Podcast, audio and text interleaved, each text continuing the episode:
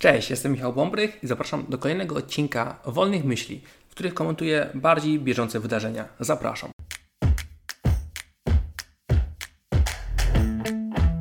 W ostatnim czasie pojawiła się spora ilość clickbaitowych nagłówków o tym, że czeka nas kolejna wojna domowa w Stanach Zjednoczonych, że Teksas będzie niezależny. Jest to bójda i to się nie zdarzy. Ale skąd ta cała teksańska inba się wzięła? Wzięła się ona z kryzysu imigracyjnego i z polityki, która wkracza na najwyższe obroty, ponieważ ten rok jest rokiem wyborczym i już w listopadzie czekają nas wybory prezydenckie w Stanach Zjednoczonych. Pamiętacie może, że w roku 2016 Donald Trump wygrywał wybory prezydenckie, mając jako jeden ze swoich głównych postulatów temat nielegalnej imigracji. Obiecywał zbudowanie wielkiego muru na granicy z Meksykiem, za który Meksyk zapłaci i to miało powstrzymać nielegalną imigrację. To jest coś, co między innymi dało mu zwycięstwo w tamtych wyborach. Ilość imigrantów przekraczających granicę Meksyku ze Stanami Zjednoczonymi obecnie jest wielokrotnie większa niż było to 8 lat temu. Dlatego już na początku chcę podkreślić, że podłoże całej tej awantury jest polityczne. Kryzys imigracyjny jest najbardziej odczuwalny w Teksasie, ale też w Arizonie czy na Florydzie. Jednak są też dobrze widoczny w amerykańskich metropoliach, na przykład w Nowym Jorku, gdzie wielu nielegalnych imigrantów czeka na rozpatrzenie swojego wniosku o azyl. I póki czekają, obciążają tym miasta, w których są, co powoduje dodatkowe niepokoje, problemy oraz spory sprzeciw wobec polityki Partii Demokratycznej i administracji Joe Bidena. Ale to tyle o tym podłożu politycznym. Wracając do Teksasu. W marcu 2021 roku władze Teksasu rozpoczynają operację Lone Star. Lone Star. W ramach tej operacji Gwardia Narodowa Teksasu jest skierowana do tworzenia zapór na granicy. Rozpoczynają oni wznoszenie barier z drutu ostrowego. To jest taki upgrade drutu kolczastego. Zamiast kolców z drutu ma zamontowane takie ostrza żyletkowe. Jest jeszcze cięższy do pokonania.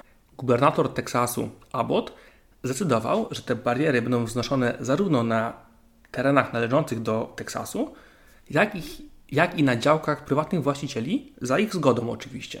I w tym momencie rozpoczął się spór między władzami federalnymi z Waszyngtonu a władzami Teksasu, ponieważ polityka migracyjna jest kompetencją władz federalnych.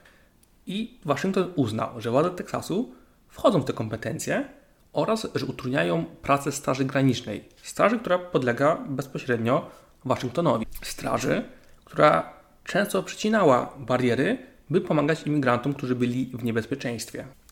I w trakcie jak ten spór narastał, teksański prokurator Ken Paxton pozwał administrację Joe Bidena w swoim pozwie wykazując, że usuwanie barier przez Straż Graniczną jest niszczeniem własności stanowej stanu Teksas oraz że Straż Graniczna asystuje nielegalnym imigrantom w przekraczaniu granicy. Sąd nakazał wstrzymanie się Straży Granicznej w przecinaniu drutu, w niszczeniu zapór do momentu wydania wyroku. Póki sprawa się toczy, Straż Graniczna nie może usuwać barier. I w międzyczasie, kiedy właśnie Straż Graniczna nie może działać, dochodzi do tragedii. 14 stycznia w Shelby Park na Trio Grande, tej właśnie rzece, to nie kobieta z dwójką dzieci. Straż Graniczna podaje do opinii publicznej, że gdyby nie bariery zniesione z kontenerów e, transportowych oraz drutu i gdyby nie zachowanie Gwardii Narodowej, która uniemożliwiła dostęp do Shelby Park Straży Granicznej, mogliby oni tą kobietę i te dzieci uratować. I w tym momencie akcja zaczyna nabierać tempa. Administracja Joe Bidena zwraca się do Sądu Najwyższego z wnioskiem, by Straż Graniczna mogła znowu te bariery usuwać i pomagać imigrantom. Sąd Najwyższy, o którym pamiętajmy, że w większości zasiadają sędziowie konserwatywni, sąd ten wydaje wyrok stosunkiem głosów 5 do 4, że Straż Graniczna może te zapory usuwać. Eksperci prawa amerykańskiego są raczej zgodni, że decyzja Sądu Najwyższego jest dość oczywista, ponieważ z konstytucji wynika, że kontrola granic Stanów Zjednoczonych należy do rządu federalnego w Waszyngtonie, a nie pojedynczych stanów. Zdawałoby się, że to będzie koniec draki, no bo Sąd Najwyższy orzekł.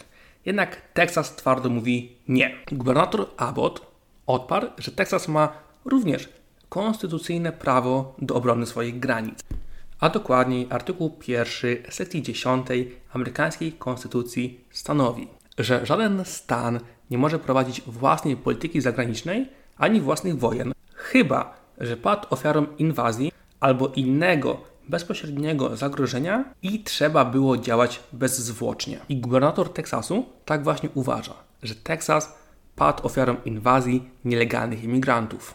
Przypomnijmy, że w grudniu zeszłego roku granicę meksykańsko-teksańską przekroczyło ponad 300 tysięcy nielegalnych imigrantów. Jednak mimo to ta argumentacja zdaje się być trochę naciągana, ponieważ prawnicy tłumaczą ten przepis, mówiąc, że daje on prawo stanom do uzupełnienia reakcji rządu federalnego w razie potrzeby, a nie do jej całkowitego zastąpienia. Poza tym ojcowie założyciele, pisząc konstytucję, raczej mieli na myśli inwazję militarną, a nie inwazję nielegalnych imigrantów.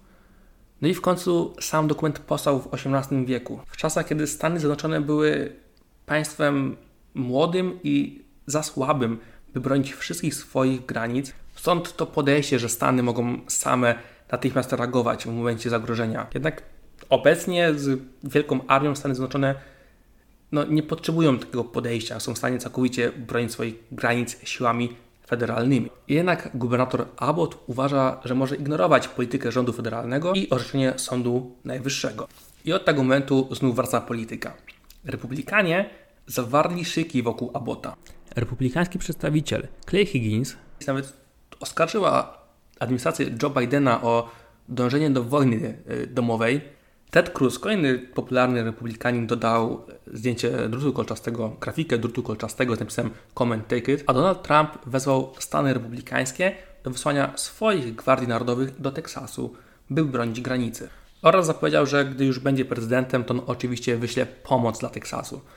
E, I Virginia i Arkansas nawet wysłały małe oddziały do Teksasu, by im pomóc. Więc w tym momencie często w nagłówkach pojawiało się pytanie, czy czeka nas kolejna wojna domowa.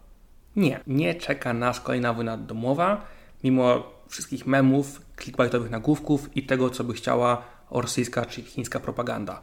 Najpierw prawnie. Teksas nie może prawnie, nie ma żadnych możliwości odłączyć się od Unii Stanów. Nie może sobie Teksas wydać zarządzenia, że my się odłączamy. Nie ma takiej furtki zostawionej. W 1869 roku zapadł wyrok w sprawie Texas vs. White, który tę kwestię rozstrzygnął, mówiąc, że Teksas jest nierozłącznie zerwany z Unią Stanów Zjednoczonych. Jedynie gdyby wszystkie inne stany chciały Teksas wyrzucić, jest to możliwe, co się nie zdarzy, albo na drodze rebelii, czyli takiej właśnie wojny domowej, gdzie mówimy trudno, idziemy się strzelać.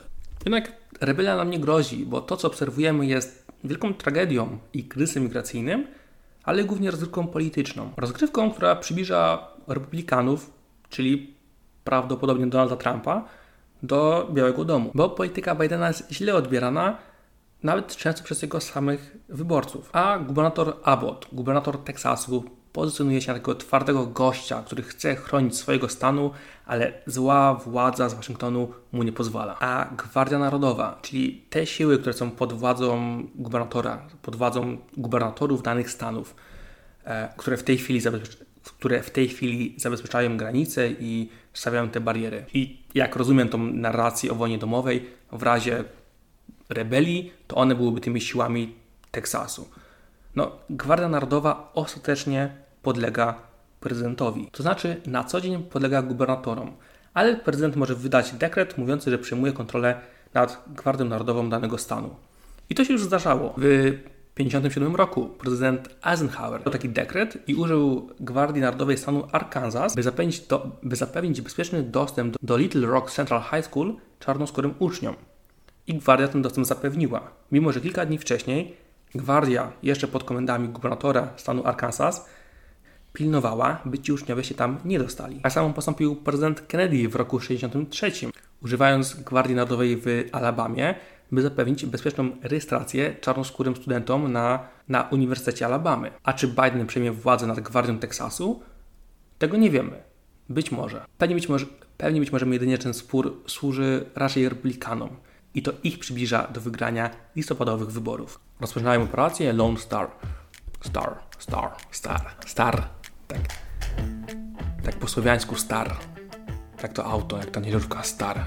Czy Star, Star, Lone Star, Lone Star, Lone Star, Lone Star, Lone Star, Lone Star, Lone Star.